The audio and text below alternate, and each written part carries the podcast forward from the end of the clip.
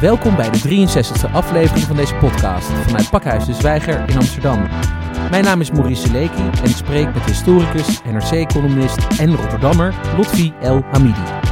Op maandag 17 februari is hij spreker tijdens het programma Het Multiculturele Drama 20 jaar later in Pakhuis de Zwijger. Beste Lotfi, welkom. Lotfi, je studeerde geschiedenis aan de Erasmus Universiteit en specialiseerde je in de islam en het uh, Midden-Oosten. Uh, als kind zocht je in de bibliotheek altijd naar de boeken over de geschiedenis van Rotterdam. Wat fascineert jou zo uh, aan geschiedenis en de historie? Ja, dan verval je heel gauw in clichés. Hè? Dat, dat je dan weet waar je vandaan komt en dan dus beter begrijpt waar je nu bent en waar je naartoe gaat. maar ook ehm, als het gaat om verandering. Weet je wel, dat fascineert me altijd enorm. hoe uh, steden of hoe samenlevingen vroeger uitzagen en hoe ze er nu uitzien en hoe komt dat dan? Zo'n onderzoekende of nieuwsgierige kijk op zaken had ik al op jonge leeftijd.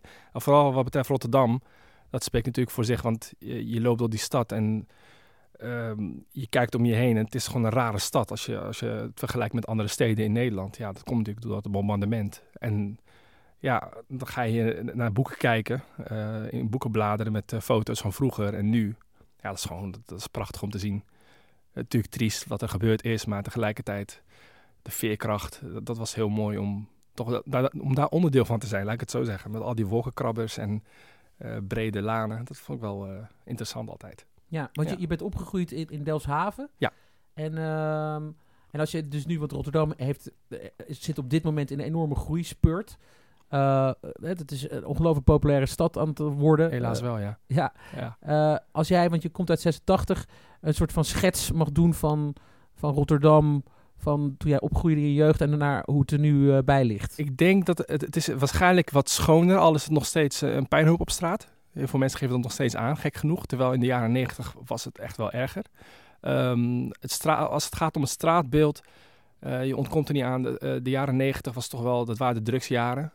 De, je zou kunnen zeggen de nadagen van de, van de heroïne tijd, van het heroïne tijdperk. Wat ik dan van dichtbij zag, voorbij zag komen, was toch wel rondstrijdende junkies, drugstoeristen uit het buitenland, met name Frankrijk, die dan naar Spangen gingen. Um, uh, perron 0 had je nog, uh, achter het Centraal Station. Je kan je niet voorstellen als je ziet hoe het Centraal Station er nu uitziet en hoe het er toen, toen uitzag. Dat... Een gloednieuw station is er in Rotterdam, een soort ruimtestation bijna. Inderdaad, ja, maar ook gewoon als je kijkt naar de samenstelling van de mensen die daar rondlopen. Hè. Het, is, het, is, het is veel jonger nu, het is veel frisser, veel um, zelfbewuster. In die tijd was het gewoon ratje toe heel veel illegale. Dat, is, dat was ook een uh, apart fenomeen. Tegenwoordig uh, iemand die ongedocumenteerd is, die moet op zijn tellen letten. En ja, die leeft echt, hoe noem je dat? Ondergrond? Ja, precies. Ja. En, en destijds, een illegale, die liep gewoon over straat. Die maakte zich geen zorgen om de politie. Dus dat, dat waren allemaal beelden die, die ik me nog wel herinner uit de jaren negentig. En als je dan nu kijkt, ja, het is... Het is het, heeft bijna iets Canadees, misschien Amerikaanse oostkust dan. Uh, wat dat betreft li lijken al die steden wel een beetje op elkaar. Maar tegelijkertijd heeft het ook wel een, aparte vibe. Vanwege dus die, ja, toch wel die multiculturele samenleving. Uh, en Rotterdam is in alle opzichten een, een laboratorium wat dat betreft. Als het gaat om de maatschappij. Daar beginnen dingen altijd als eerste. Soms ook wel de lelijke dingen. En ehm, ja, ik ben er altijd wel op gaan letten van uh, als dingen gebeuren, dat ik mezelf denk van oké, okay, er gebeurt iets. Weet je wel, net als met de opkomst van Fortuin. Hè, Rotterdam was, ik zeg wel eens... Fortuin was ook een Rotterdammer? Was ook een Rotterdammer en uh, daar had Leefbaar Rotterdam, zijn partij, uh, de eerste verkiezingswinst gehaald. En dat was een soort opmaat naar eigenlijk de winst van de LPF. Nou, zonder hem dus. Um, maar het ground zero van, van, um, van het populisme bijvoorbeeld, weet je wel, dat begon daar. Of je ziet bijvoorbeeld met de Rotterdamwet uh, dat, dat, er een soort quotum is, of in ieder geval dat er allerlei eisen worden gesteld voor um, uh, mensen die in bepaalde wijken willen wonen. Uh, ze moeten werk hebben, ze moeten een bepaald inkomen hebben, ze, moeten, ze mogen geen strafblad hebben. Dat zijn allemaal van die, van die dingen, van die experimenten, die, scheur, die ja, toch wel een beetje discutabel zijn of dubieus zijn als, als je kijkt naar de grondwet. Die beginnen daar en worden dan op een gegeven moment altijd wel geëxporteerd naar andere plekken in Nederland. nog even over jouw journalistieke carrière. Van september 2016 tot en met september 2017 was je de Martin van Amerongen Fellow bij de Groene Amsterdammer. Ja. En schreef je voornamelijk over kwesties gerelateerd aan diversiteit. En nu schrijf je onder meer voor de eh, NRC de verslaggeverscolumn. En eh, je zou kunnen zeggen dat je stukken scherpe, maar verbindende analyses zijn over de maatschappij van nu. Als je zou mogen duiden eh, de kracht van taal, wat, wat betekent dat voor jou? Nou, dat je, dat je toch wel ehm, je woorden weegt. Dat je nadenkt over de zinnen die je neerpent. Ik bedoel, eh, taal is natuurlijk niet onschuldig. Taal is ook per definitie politiek, zou ik bijna, bijna willen zeggen. Kijk, ik heb nu die column eh, in NRC. En dat is, dat is nogal een podium. Ik had het wel onderschat, moet ik zeggen, toen ik net begon met die column. En ik van ja, het is maar een column. Maar ja, het staat op pagina 2, weet je wel. En eh, het wo- wordt best wel veel gelezen. En eh, op een gegeven moment realiseerde ik me wel van, oh ja, eh, mijn woorden betekenen wel iets. Eh, het, land ergens, het komt ergens aan. En ehm, En hoe merk je dat dan?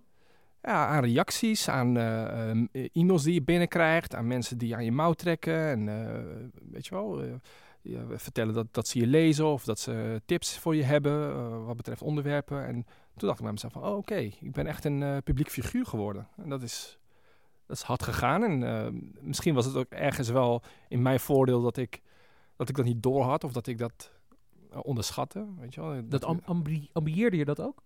Nee, totaal niet. Nee. Ik ben sowieso een man van met niet zoveel ambitie eigenlijk. Nooit geweest. Maar toch schrijf je eh, voor de NRC, wat eh, Ja. misschien wel een van de meest invloedrijke kranten van Nederland is op dit moment. Ja. Eigenlijk altijd al geweest.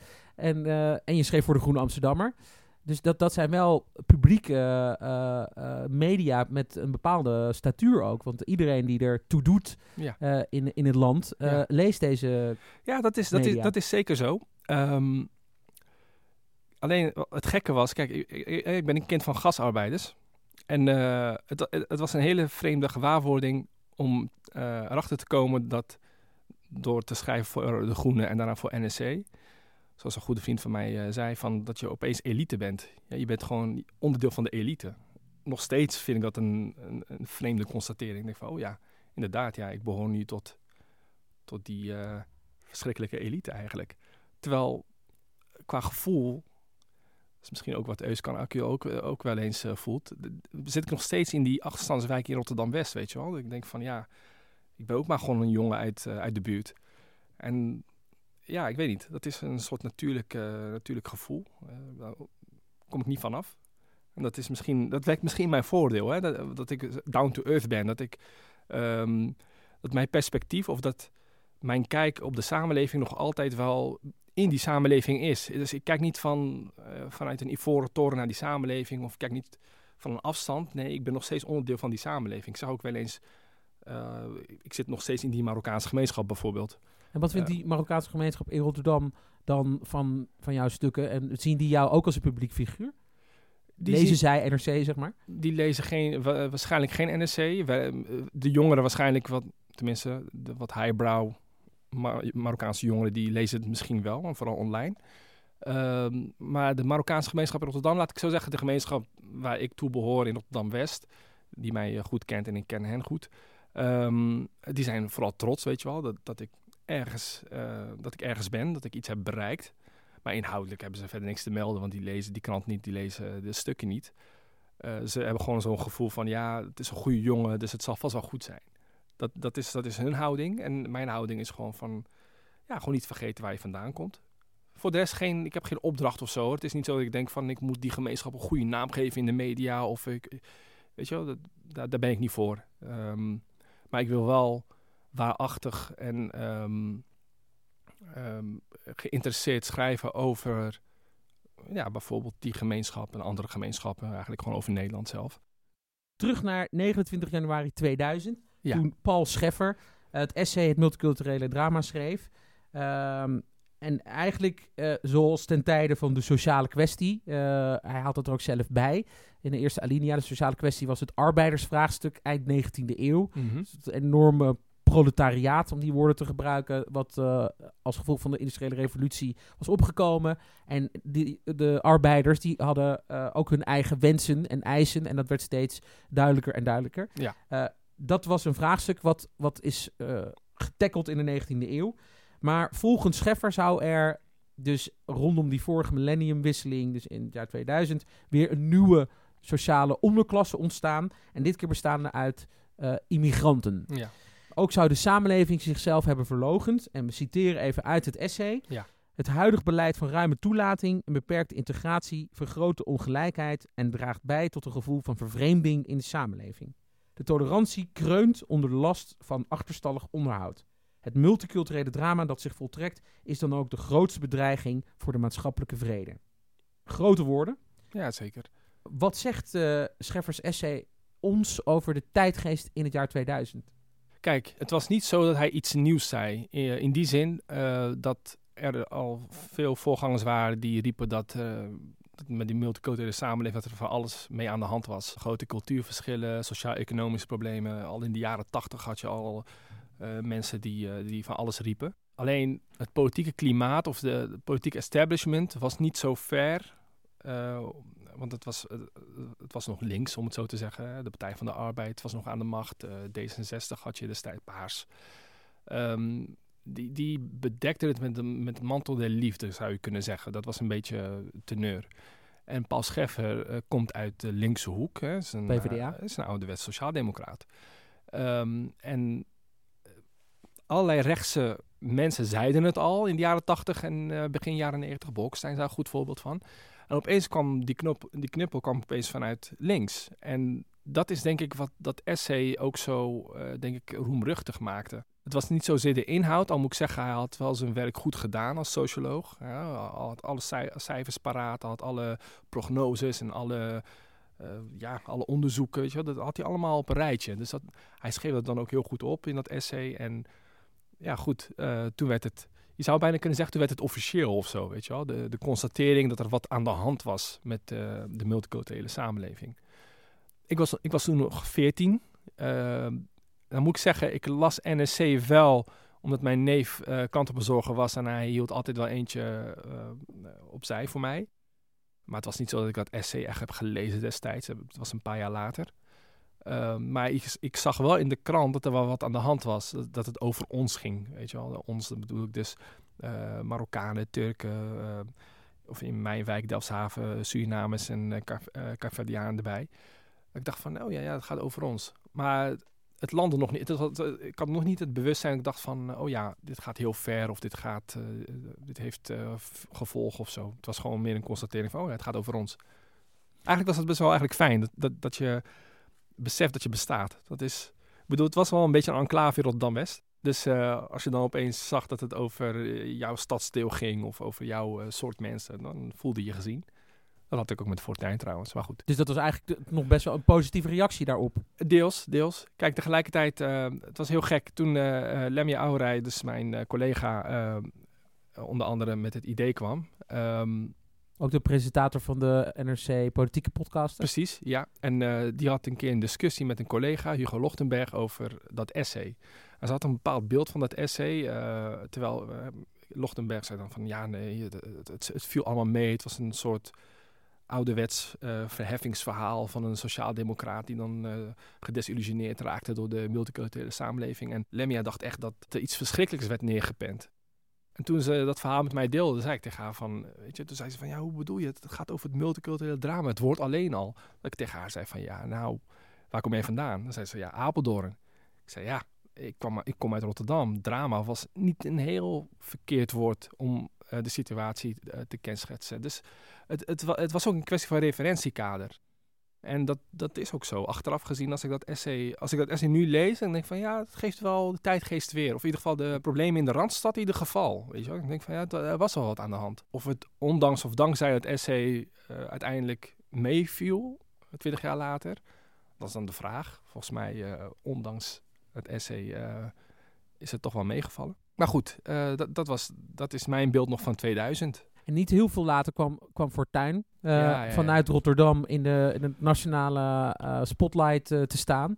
Met een partij die ook een duidelijke visie op migratie in Nederland had. En integratie ook met name. Kun, kun jij wat meer vertellen over wat de, die opkomst van Fortuin en ook in Rotterdam voor jou als, als middelbare scholier, mm -hmm. als tiener deed en hoe je dat hebt ervaren? Nou kijk, je, je, je zit op de middelbare school, je, bent aan het puberen, het is al een hectische periode als tiener, jonge tiener. En identiteit, kijk, normaal gesproken, een gemiddelde puber zou er niet al te lang bij stilstaan over wat betreft afkomst, weet je wel. Ik bedoel, ik was geboren in Rotterdam, dus stond ik verder niet bij stil dat ik dan ook nog andere roots had. Ja, die wist, ik wist wel dat, ik, dat mijn ouders uit Marokko kwamen en daar gingen daar op vakantie. Maar het was niet zo dat ik in de ochtend opstond, in de spiegel keek en dacht van ja, Marokkaan. Weet je wel, dat had ik nooit. Heb ik nog steeds niet. Nooit gehad. Alleen toen opeens ging het, hè, ging het over Marokkanen, het ging over moslims, dat vooral trouwens. Um, en het, het, werd een soort self-fulfilling prophecy. Het versterkte elkaar. Dus uh, het idee van dat je anders was en dan de, de andere kant die dan bevestigt dat je anders bent. Nou, dan, dat, is, dat is heftig, weet je wel. Dat gaat op een gegeven moment een eigen, uh, krijgt een eigen effect. En um, het was ook een roerige periode, want in 2000 had je de tweede intifada, de, de Palestijnse opstand in de bezette gebieden. En dat kwam rechtstreeks de, de woonkamer binnen met uh, natuurlijk al die uh, schotels. schotels, inderdaad, satellietzenders. Uh, en, en, die, ja, die, fil die filteren die beelden niet, weet je wel. Je krijgt ze gewoon zo rauw op je beeldscherm te zien. En weet je, die Palestijnen, die lijken verdomd veel op ons. dat gevoel kreeg je dan. Hè. Oh ja, die namen lijken ook op die van ons. Dus dat nam je al mee naar school, of in ieder geval als bagage. Uh, en toen kwam nog 9-11 erbij en dus Fortuin en de politieke uh, verschuiving. En uh, het, het, het, was een achtbaan. Um, ik, we wisten niet precies wat we ermee moesten. We waren helemaal niet politiek bewust of uh, wisten niet waar we het echt over hadden. Maar we wisten wel dat het over ons ging en dat we ja, niet we wilden geen boksbal zijn, dus we, waren heel recalcitrant. Maar zou je eigenlijk kunnen zeggen hè, dat waar in de jaren tachtig Jan Maat vanuit de Centrumdemocraten eigenlijk toen nog een, een soort van uh, niet in het publieke debat geaccepteerde uh, rechtse boodschap, extreemrechtse mm. boodschap misschien over uh, de integratie en immigratie in Nederland aangaf. Toen via Frits Bolkestein in de jaren negentig, mm. dat was toen ook nog best wel controversieel. Maar eigenlijk door Paul Scheffers essay werd het toen, laten we zeggen, mainstream om kritisch te kunnen zijn over die, die integratie. Ik weet, ik weet niet of, of, of, dat essay het mainstream maakte. Ik denk dat de, de, de gebeurtenissen in de wereld het mainstream maakte. Ik denk dat als, als uh, de tweede intifada, 9-11, als dat allemaal niet had plaatsgevonden, dat het essay gewoon, gewoon een stille dood zou sterven, weet je wel. Alleen, hij kreeg een soort van gelijk, weet je wel, die, die jaren daarna, tussen 2000 en 2004 gebeurde er zoveel in de wereld. En dus ook in Nederland. Ik bedoel, Nederland is, is het ook gewoon meer in de wereld. En, um, Want Fortuyn werd vermoord, Theo van Gogh werd vermoord. Precies, eh, opkomst van jihadisten. Um, uh, en natuurlijk um, de oorlog in Irak. Weet je wel, al die dingen. Het was echt een, zoals ik al zei, een achtbaan. En al die dingen tegelijk, ja, dan, dan krijg je een reactie uit de samenleving. En kijk, Jan Maat, het was een beetje een... Uh, een platte racist, hè? Vol is vol, eigen volk eerst, weet je wel. Ja, dat, en, en destijds werd gezegd van ja, dat soort mensen krijgt nooit meer dan 5% van de stemmen hooguit als mensen echt allemaal gaan stemmen. En toen kwam Frits Bolkestein. Maar Frits Bolkestein die maakte het een beetje meta, weet je. Die had het over beschavingen, botsing van beschavingen. En dat de ene cultuur superieur was aan de andere. Die had het over cultuurrelativisme. Maar ja, dat zijn allemaal van die termen en van die discussies. Dat landt niet in, in, laten we zeggen, in de wijken waar, in die volkswijk waar het om draaide. Als het ging om botsingen tussen uh, cultuurverschillen en zo. Weet je. Rotterdam-Zuid, ja, als Bokstein het heeft over beschaving. Ja, Rotterdam-Zuid, weet je wel. Of je nou autochtoon of allochtoon was, dat beschaving was sowieso heel, heel relatief. Beschaving dat de Kralingen, zeg maar.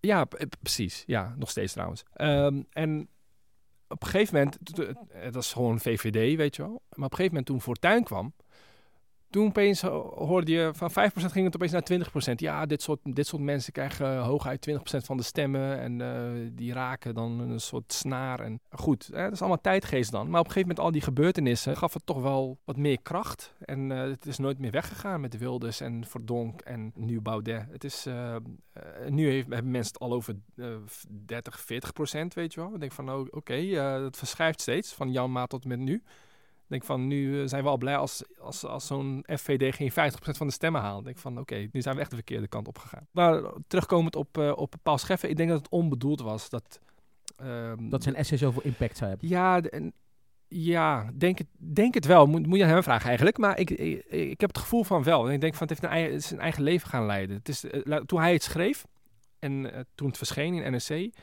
had hij er geen grip meer op op een gegeven moment ging iedereen er steeds naar verwijzen. Hè, van, eh, zoals Paul Scheffer in 2000 schreef. Terwijl Paul Scheffer, ja, die... is geen politicus, weet je wel. Het is gewoon een socioloog. Hij zou het essay nu niet meer schrijven, zei hij. Op, tenminste niet zoals het toen uh, in de krant verscheen. Maar um, ja, het heeft gewoon eigen, zijn eigen leven gaan leiden. En ja, en nu zijn we twintig jaar verder. We zijn nu twintig jaar later in dat leven. Uh, eind vorige maand schreef jij een column in NRC met de titel... De multiculturele samenleving is niet mislukt. Zij is ook niet geslaagd. Zij is. Ja. Het lijkt bijna een uitspraak van uh, Descartes. Nee, Descartes, uh, Frans filosoof. Ja. Wat kan het ons brengen, denk je, als we de behoefte om beoordelingen als geslaagd of mislukt ja. op de culturele samenleving ja. te plakken laten varen? Dan wordt het misschien wat menselijker. Kijk, uh, sinds 2000, dus sinds dat essay, was het bonton om te zeggen van de multiculturele samenleving was mislukt. Weet je wel, ik bedoel, veel bewijs wilde hij hebben, het is mislukt. Alleen toen Scheffer dat essay schreef, uh, toen had hij het over dus de sociale kwestie. Eigenlijk was het een soort verkapte oproep aan politici van doe wat, want het gaat de verkeerde kant op. Alleen wat vanaf toen is gebeurd, is dat politici eigenlijk hun verantwoordelijkheid ontliepen door gewoon te zeggen van ja, hij is mislukt zij is mislukt, die samenleving. En that's it, weet je wel. Je kan er verder niks aan doen eigenlijk. Die mensen zijn nou eenmaal zo, die cultuurverschillen zijn nou eenmaal zo groot. Het enige wat we kunnen doen is nog indammen. Dat was een beetje de, de sfeer de afgelopen twintig jaar. Dat merk je ook, want als je kijkt naar beleid, ik bedoel, wat voor beleid heb je nodig om een sociale kwestie te tackelen? Ja, daar heb je het over sociaal-economisch beleid, daar heb je het over ook wel aanpak van discriminatie natuurlijk, maar ook over onderwijs en uh, toch wel eh, verheffen. Hè. Dan gaat het ook over kunst en cultuur. Het zijn allemaal van die dingen waar je de overheid voor nodig hebt, waar je de overheid ook voor hebt. Alleen dat is niet gebeurd. Trouwens ook door Fortuin, een soort Fortuin-trauma. Ze gingen alleen maar benoemen, weet je wel. Ja, uh, taalachterstanden. Ja, zitten te veel in de bijstand. Ja, um, criminaliteit. Maar er werd verder niks gedaan. Twintig jaar verder hebben mensen het nog steeds over een samenleving. Dat is een beetje met politici trouwens. Niet alleen politici, ook bepaalde opiniemakers. Twintig jaar later, en het gaat nog steeds over een samenleving alsof die in de tijd is stilgestaan, weet je wel? Alsof het nog 2000 is. Dan hoor ik zo'n Dijkhoff zeggen van ja, um, vaders die de toekomst van hun dochters uitstippelen. Dan denk ik echt bij mezelf van, oh god, welke vaders en dochters heeft hij? Want die ken ik in ieder geval niet meer.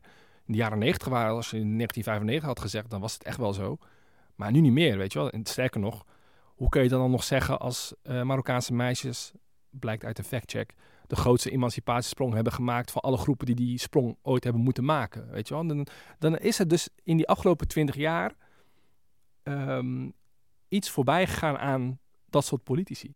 En dan ook zo'n Wopke Hoekstra die dan bij zo'n HJ-schoollezing ook weer heeft over een gastarbeider, spreekt gebek Nederlands. Minister van Financiën. Minister van Financiën. Een van de coming man van het CDA. Kroonprins van het CDA, die dan heeft over zo'n gastarbeider, gebek Nederlands sprekend, neemt zijn vrouw mee naar de huisarts. En die vrouw die mag maar niet praten van, van die man. En die man eist dan van zo'n vrouwelijke huisarts, waarschijnlijk trouwens zijn partner, van ja, uh, je moet via mij praten en niet via mijn vrouw, weet je wel. En waarom zou je zo'n voorbeeld gebruiken? En dan gaat hij vervolgens dat is de langste anekdote van die hele lezing, eh, opvallend genoeg. En dan na die anekdote zegt van ja, maar natuurlijk, er zijn ook wel goede, goede Marokkanen of goede uh, migranten. En dan noemt hij een paar voorbeelden van, toen hij werkte bij uh, Baker McKenzie. En ik denk bij mezelf van, waarom geen lange anekdote over die mensen? Waarom begin je dan over, over, over weer die gasarbeider, weet je wel, die eigenlijk min of meer uitgestorven is? En dan denk ik van, is het nou kwade trouw? Is het nou, weet je wel, wat is er aan de hand? Waar, waarom doen ze dit? Zijn ze losgezongen van de realiteit? Ik denk deels. Of is dit bewuste strategie? Nou, ik denk wel deels. Want kijk, uh, toen Dijkhoff met zijn wijkenplan uh, kwam, dat, dat uh, hield in dat misdaad in achterstandswijken dubbel gestraft moesten worden. Dat kwam uit zijn koker. Dat was een soort proefballon. Hij kwam met zo'n plan en vervolgens zegt hij van ja, ik moet die wijken nog bezoeken. Dus hij heeft het over wijken die hij niet kent. Hij heeft het over mensen die hij ook niet kent. En dan komt hij met zo'n plan. In plaats van omgekeerd. Hè? In plaats van dat je naar Amsterdam-West gaat of naar uh, Kanaleneiland. Nee, weet je wel, je, deponeert zo'n plan. En dan zeg je van ja, en dan ga ik straks kijken in die wijk hoe het, hoe het daar aan toe gaat. Dat fascineert mij gewoon. Ik denk van politici, waar zijn jullie mee bezig eigenlijk? Jullie proberen alleen maar met PVV-corvée een soort electoraat aan te spreken. Die helemaal, dat helemaal niet vatbaar is voor, laten we zeggen, um, anti-migrantentaal vanuit middenpartijen, als je het zo wil noemen. Ik bedoel, als iemand toch wel een anti-migrantenpartij op zo'n partij wil stemmen, dan gaat hij voor de real deal. Dan gaat hij niet voor de VVD of CDA. En dan toch, om een of andere reden, hebben ze een soort beeld van de samenleving. Multiculturele samenleving, dat woord willen ze niet eens gebruiken. Hè? Rutte zegt dan ook, premier Rutte, zegt dan ook dat hij dat woord haat. Dat zegt al heel veel. Hè? Dat, is, dat, is, dat is dan een, iemand die dan elke donderdagochtend een paar uur les geeft op een multiculturele middelbare school. Het komt heel wildvreemd over. En daar hou ik me wel mee bezig. Ik weet dat de NRC gelezen wordt in Den Haag. Dat onderschat ik ook wel eens. Eh, ze lezen mij. En dat probeer ik een beetje te laten zien. Weet je. Ik hoop dat Dijkhoff wel eens een column van mij leest en dan ziet wat in Rotterdam-Zuid allemaal speelt. Weet je wel? Waar, waar mensen mee zitten, hoe mensen leven. Ik heb het idee dat ze dat niet weten namelijk. En dat is, ja, dat is heel gek, 20 jaar na Scheffer. Weet je wel? Ik bedoel, waar was Want- je al die tijd? Wat zou je ook nog kunnen zeggen? Want aan de ene kant zijn er inmiddels al generaties en, en vele generaties, eh, zou je al bijna kunnen zeggen, Mhm. eh, migranten in Nederland opgegroeid. Ja. Dat er zoveel stromen zijn en dat, laten we zeggen, voor de autochtone Nederlander het bijna Mhm. niet meer bij te houden is eh, welke groepen er nou precies zijn. En dat het voor hen eigenlijk allemaal... Maar, dat, maar dat, is nooit bij, dat hebben ze nooit bijgehouden, weet je wel. Ik bedoel, ehm, voor de gasarbeiders uit het Middellandse zeegebied hier naartoe kwamen... toen had je al, laten we zeggen, binnenlandse migratie, weet je wel. Mensen die uit Zeeland of uit Drenthe naar Rotterdam kwamen om te werken in de haven. Dat, was, dat waren ook enorme cultuurverschillen. Dan kun je wel zeggen van, ja, maar die delen dezelfde referentiekader, hetzelfde geloof. Maar dat was onzin, want uiteindelijk heb je altijd weer...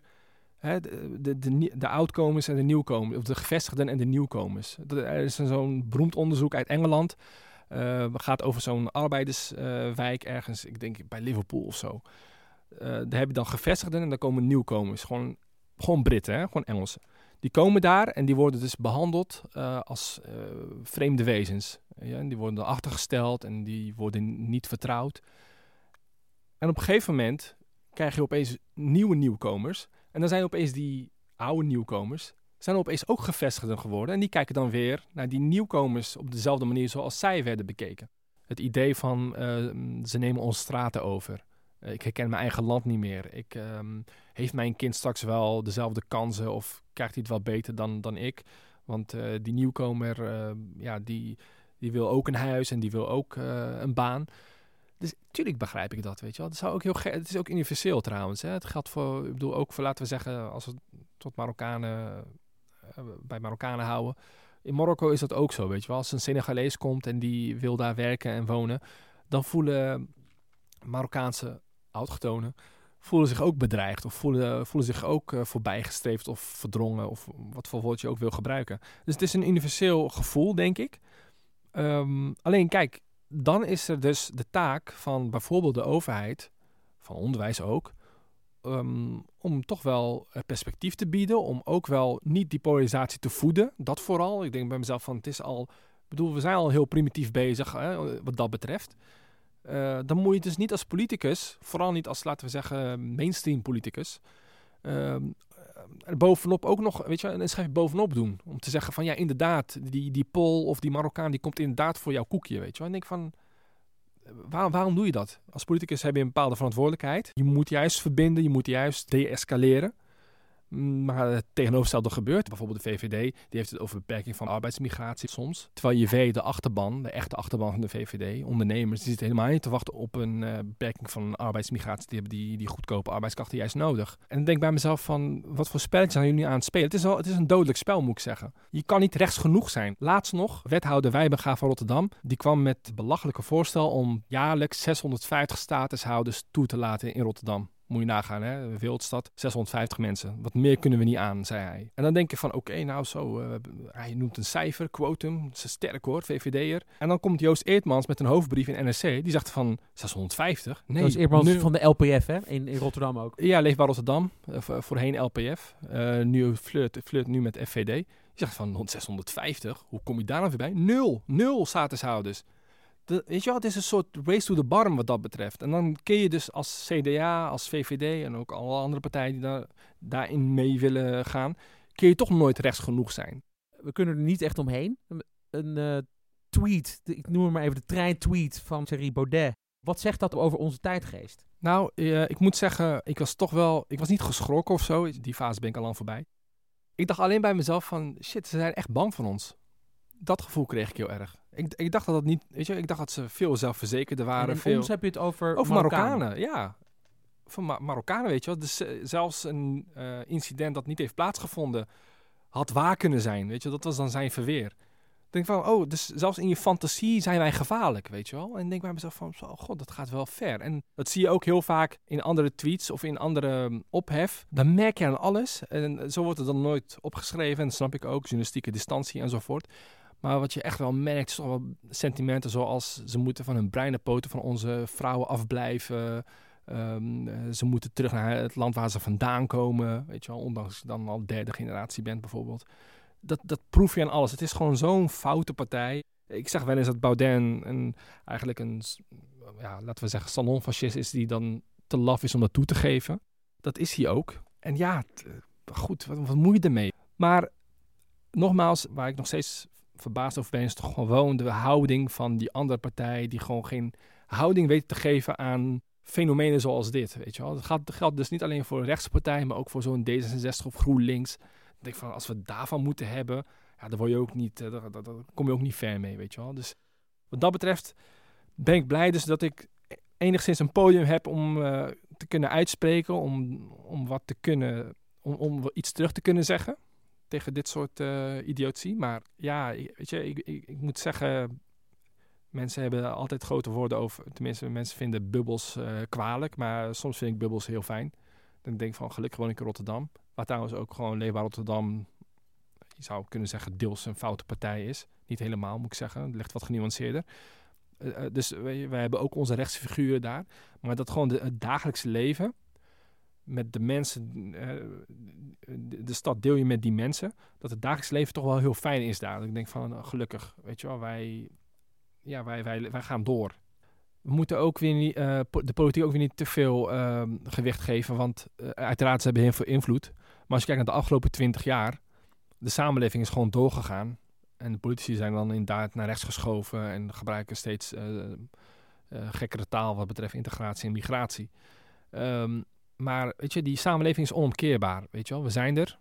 In de zin van, dus niet alleen maar de Marokkaanse, Turks en Surinaamse Nederlanders enzovoort, maar ook gewoon de, de Nederlander zoals hij zich verhoudt tot die groepen. ik bedoel, we zijn er gewoon eenmaal samen. Uh, we delen dit land. Zoals elke ochtend die metro deel met, uh, met al die andere mensen. Uh, en het werkt, weet je wel. Die mensen die, die leven hun leven. En uh, mensen zitten helemaal niet te wachten op dit soort onzin. Ze, zitten, weet je wel, ze, willen, ze willen goed wonen. Ze willen uh, zekerheid wat betreft banen, wat betreft sociale voorzieningen. En de vraag is dus of de komende twintig jaar mensen erin blijven trappen, weet je wel, in dit soort retoriek. Maar als ze erin trappen, ja. ik bedoel, stel nou dat het zo'n rechtskabinet wordt wat je net eigenlijk voorspelt. Ja volgend jaar zijn het gewoon verkiezingen. Stel nou, nou dat, het, dat, dat FVD, de CDA en PVV, of nee, sorry, VVD, dat die samen gaan regeren. Wat is de uiterste consequentie daarvan? Je krijgt een heel naar, naar geestig landje krijg je dan. Ja, schets dat is. Ja, een, be een beetje zo Denemarken, weet je wel. Je, krijgt echt gewoon tweederangs burgers. Uh, trouwens, voor een deel zijn ze dat ook, hè. Heel veel uh, Nederlanders met een migratieachtergrond. Sterker nog, die, die hebben dat geïnternaliseerd, weet je wel. Die, die gaan er al vanuit het is natuurlijk heel cynisch en eh, die houding heb ik ook wel, wel gehad. Het een minderwaardigheidscomplex.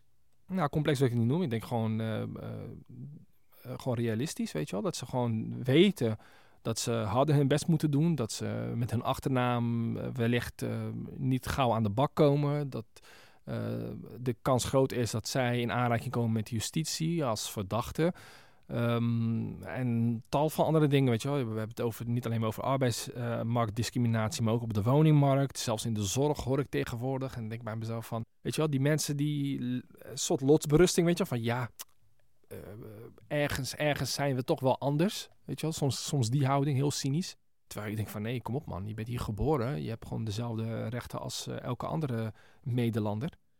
En ja, goed, uh, in zo'n land kom je, dat, dat wordt alleen maar erger dan. Dus dan kom je echt in een heel, uh, heel na landje terecht, weet je wel. Dat je, waar je eigenlijk niet in wil wonen. Waar je dan helaas wel in moet wonen. Er is geen andere optie. Ik bedoel, ik ga niet terug naar Marokko of zo. Ik kan niet eens terug. Ik bedoel, ik kom daar niet vandaan. Maar uh, ja, er zit niks anders op dan, uh, dan gewoon door te gaan. Ja, het, is, het is, klinkt heel...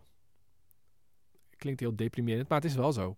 Weet je wel, wat, wat moet je dan doen? Politiek, de, politiek is de politiek, dat is altijd zo geweest. En uh, je hoopt gewoon dat uh, andere Nederlanders, uh, ja, wat meer om, eh, laat, laat, ik zo zeggen, dat ze ooit een keer accepteren dat die, de ander nou eenmaal is. En dat die ook gewoon dezelfde rechten heeft als hij of als hem of haar. Maar goed, ja, je wordt, je wordt er ook een beetje somber van, uh, Ja, ik. ik. word, ik word er een dus beetje somber van, ja. maar tegelijkertijd... Uh, ik ga er niet, trouwens niet vanuit, hè. Dus ja. het, is, het is echt een worst case scenario. Dan, want twintig jaar geleden, of in 2006, Toen had uh, SCP ook zo'n enquête uh, laten doen onder mensen die, zei ook, die dachten dat in 2020 no-go areas zouden zijn in Nederland, weet je wel.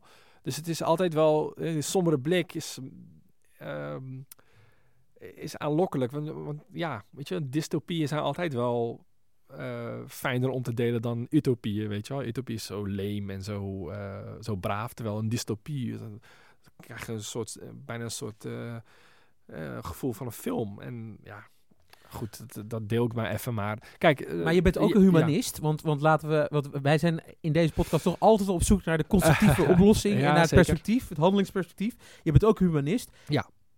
Is humanisme dan het antwoord op zo'n culturele, multiculturele samenleving?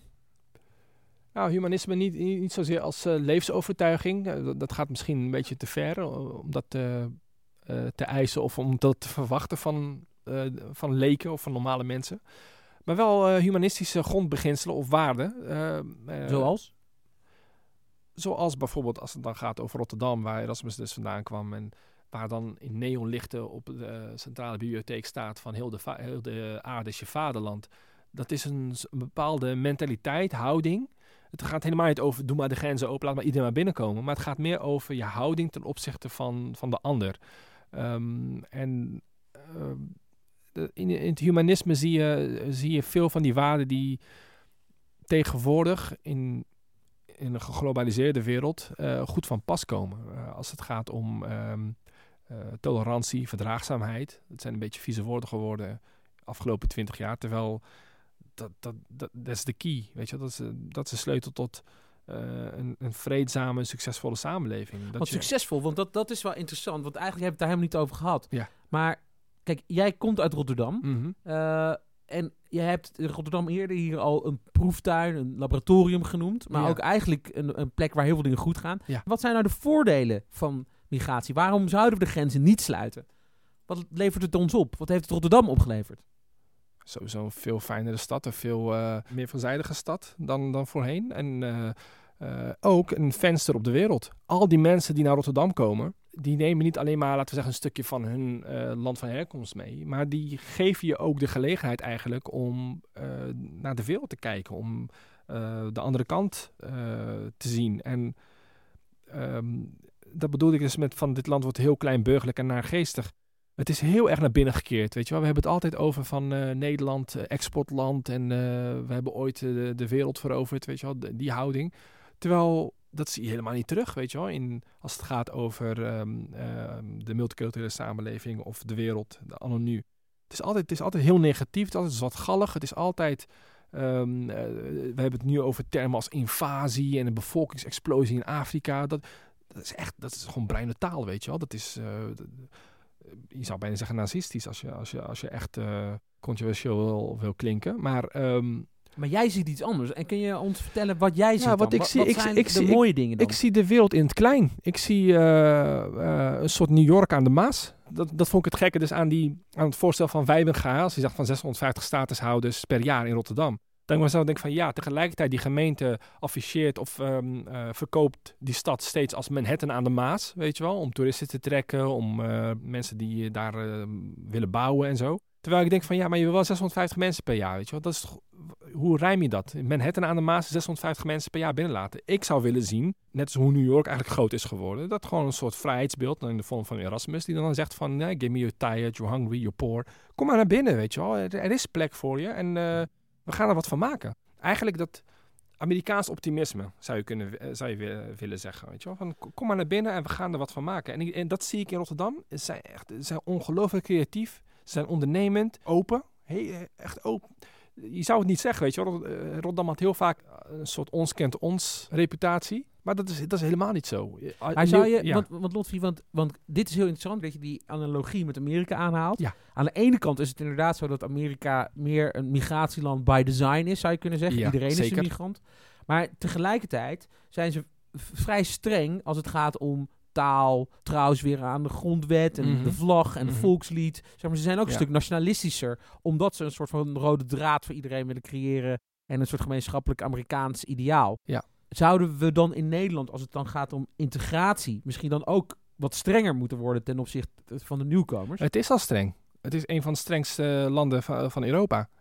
Uh, kijk, weet je, je mijn opa toen hij hier kwam, hier naartoe kwam, en ehm, hij, hij, heeft heel zijn leven hier geleefd zonder die taal te leren. Zonder die taal ook te spreken. Had hij ook niet nodig in de wijk waar hij woonde, want alles werd voor hem gedaan en de sociale voorzieningen waren zo ingericht dat hij die taal niet nodig had. Toen uh, rond 2000, in de jaren 90 en 2000, na dat essay van Scheffer, toen er werd gezegd van ja, ze moeten die taal gaan leren, ja, dan ben je wel 30 jaar te laat, weet je wel. Dat je dat meteen moeten doen toen je naar binnen kwam. Uh, als je nu kijkt, ze moeten al die taal leren in het land van herkomst, weet je wel. Uh, dus uh, die, die, die, die taaleisen zijn al heel streng. Als het, gaat, als het gaat om economische integratie, ik snap het allemaal wel, weet je Dat je, dat je daar streng op bent. Dat je zegt van nee, als je hier naartoe komt, dan ga je werken. Wat voor werk boeit ons niet, maar je gaat wel werken, want de bijstand is, is er niet voor jou. Of in ieder geval niet nu. Dat kan ik nog allemaal volgen. En dat vind ik eigenlijk min of meer toch wel redelijk, weet je wel. Dat is heel Amerikaans zou je kunnen zeggen. Alleen, je ziet dat zodra dat gebeurt, zodra mensen de taal leren, zodra mensen zich economisch integreren, zodra ze een avondwinkel beginnen en uh, hun eigen broek ophouden, dan zie je opeens dat de doelpalen worden verschoven. Dan wordt er inderdaad opeens gezegd van ja, je moet op de grondwet gaan zweren. Of uh, je moet de grondwet, uh, weet je wel, je, moet het uit je hoofd kennen bij wijze van spreken. Terwijl ik denk van, ho, wacht even. Nu, nu, nu gebeurt er iets raars, want dat, dat vraag je niet aan de autochtone Nederlander. Als die autochtone Rotterdammer op, op Zuid die, die dus laten we zeggen net, uh, net zo onaangepast is, als ik het zo mag zeggen, als die Turkse nieuwkomer. Als die de grondwet niet hoeft te kennen en die, uh, die vlag, uh, weet je, die vlag boeit hem bijvoorbeeld niet en Nederlandse normen en waarden, ja, het zegt hem helemaal verder niks. Want hij kent alleen maar Rotterdam-Zuid en alleen die omgeving. Het is dan onredelijk om dan van die Turk te vragen van... jij moet dan wel artikel 1 tot met 10 kennen uit je hoofd. Weet je wel, waar, die inburgeringscursus bijvoorbeeld is heel grappig. Ik weet nog dat in, in, het centrum van Rotterdam was er een keer iemand die dan zo'n inburgeringscursus, zo'n vragenlijst bij zich had. En die ging dan random mensen vragen van wil je antwoord geven op deze vragen, kijken hoe ingeburgerd je bent. Dat autochtone Nederlanders ook gewoon heel veel vragen die konden beantwoorden, weet je wel. En wie is Michiel de Ruiter? Ja, weet ik veel. Weet je wel? Dus wat, wat, wat, wat is redelijk om te vragen van uh, een Eritrese nieuwkomer? Uit een agrarische samenleving, waarschijnlijk analfabeet. Wat is redelijk, weet je wel? Je moet wel kijken wat, wat kan en wat haalbaar is. En weet je, soms, kijk, ik verwacht ook niet een kumbaya samenleving waar iedereen het met elkaar min of meer eens is. Of in ieder geval iedereen met elkaar. Weet je, dat, mensen zijn nou eenmaal niet zo, weet je wel. Er zal altijd wel een vorm van spanning blijven bestaan. Alleen, soms is dat het hoogst haalbare, weet je wel. Dat je gewoon soms langs elkaar leeft. Of uh, helemaal geen zin hebt in couscous. Ja, weet je, kan mij het schelen, weet je wel. Als, als we maar gewoon inderdaad die volgende dag die metro pakken naar ons werk of wherever waar je ook naartoe gaat. En dat je mij gewoon laat leven en ik jou laat leven, weet je wel. Ik bedoel, vraag niet te veel. Dat is eigenlijk een beetje...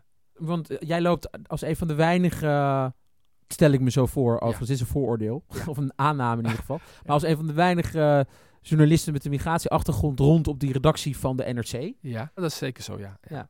Maar wanneer ben jij geïntegreerd? Eh, eh, ik wil niet geïntegreerd zijn. Mijn god, zeg ik van, uh, nee joh. Wat is integratie, weet je wel? Dat, uh, dat ik de Polonaise loop en zo? Nee man. Weet je, bijvoorbeeld, ik, ik borrel bijvoorbeeld, uh, bijvoorbeeld nooit. Bijna nooit.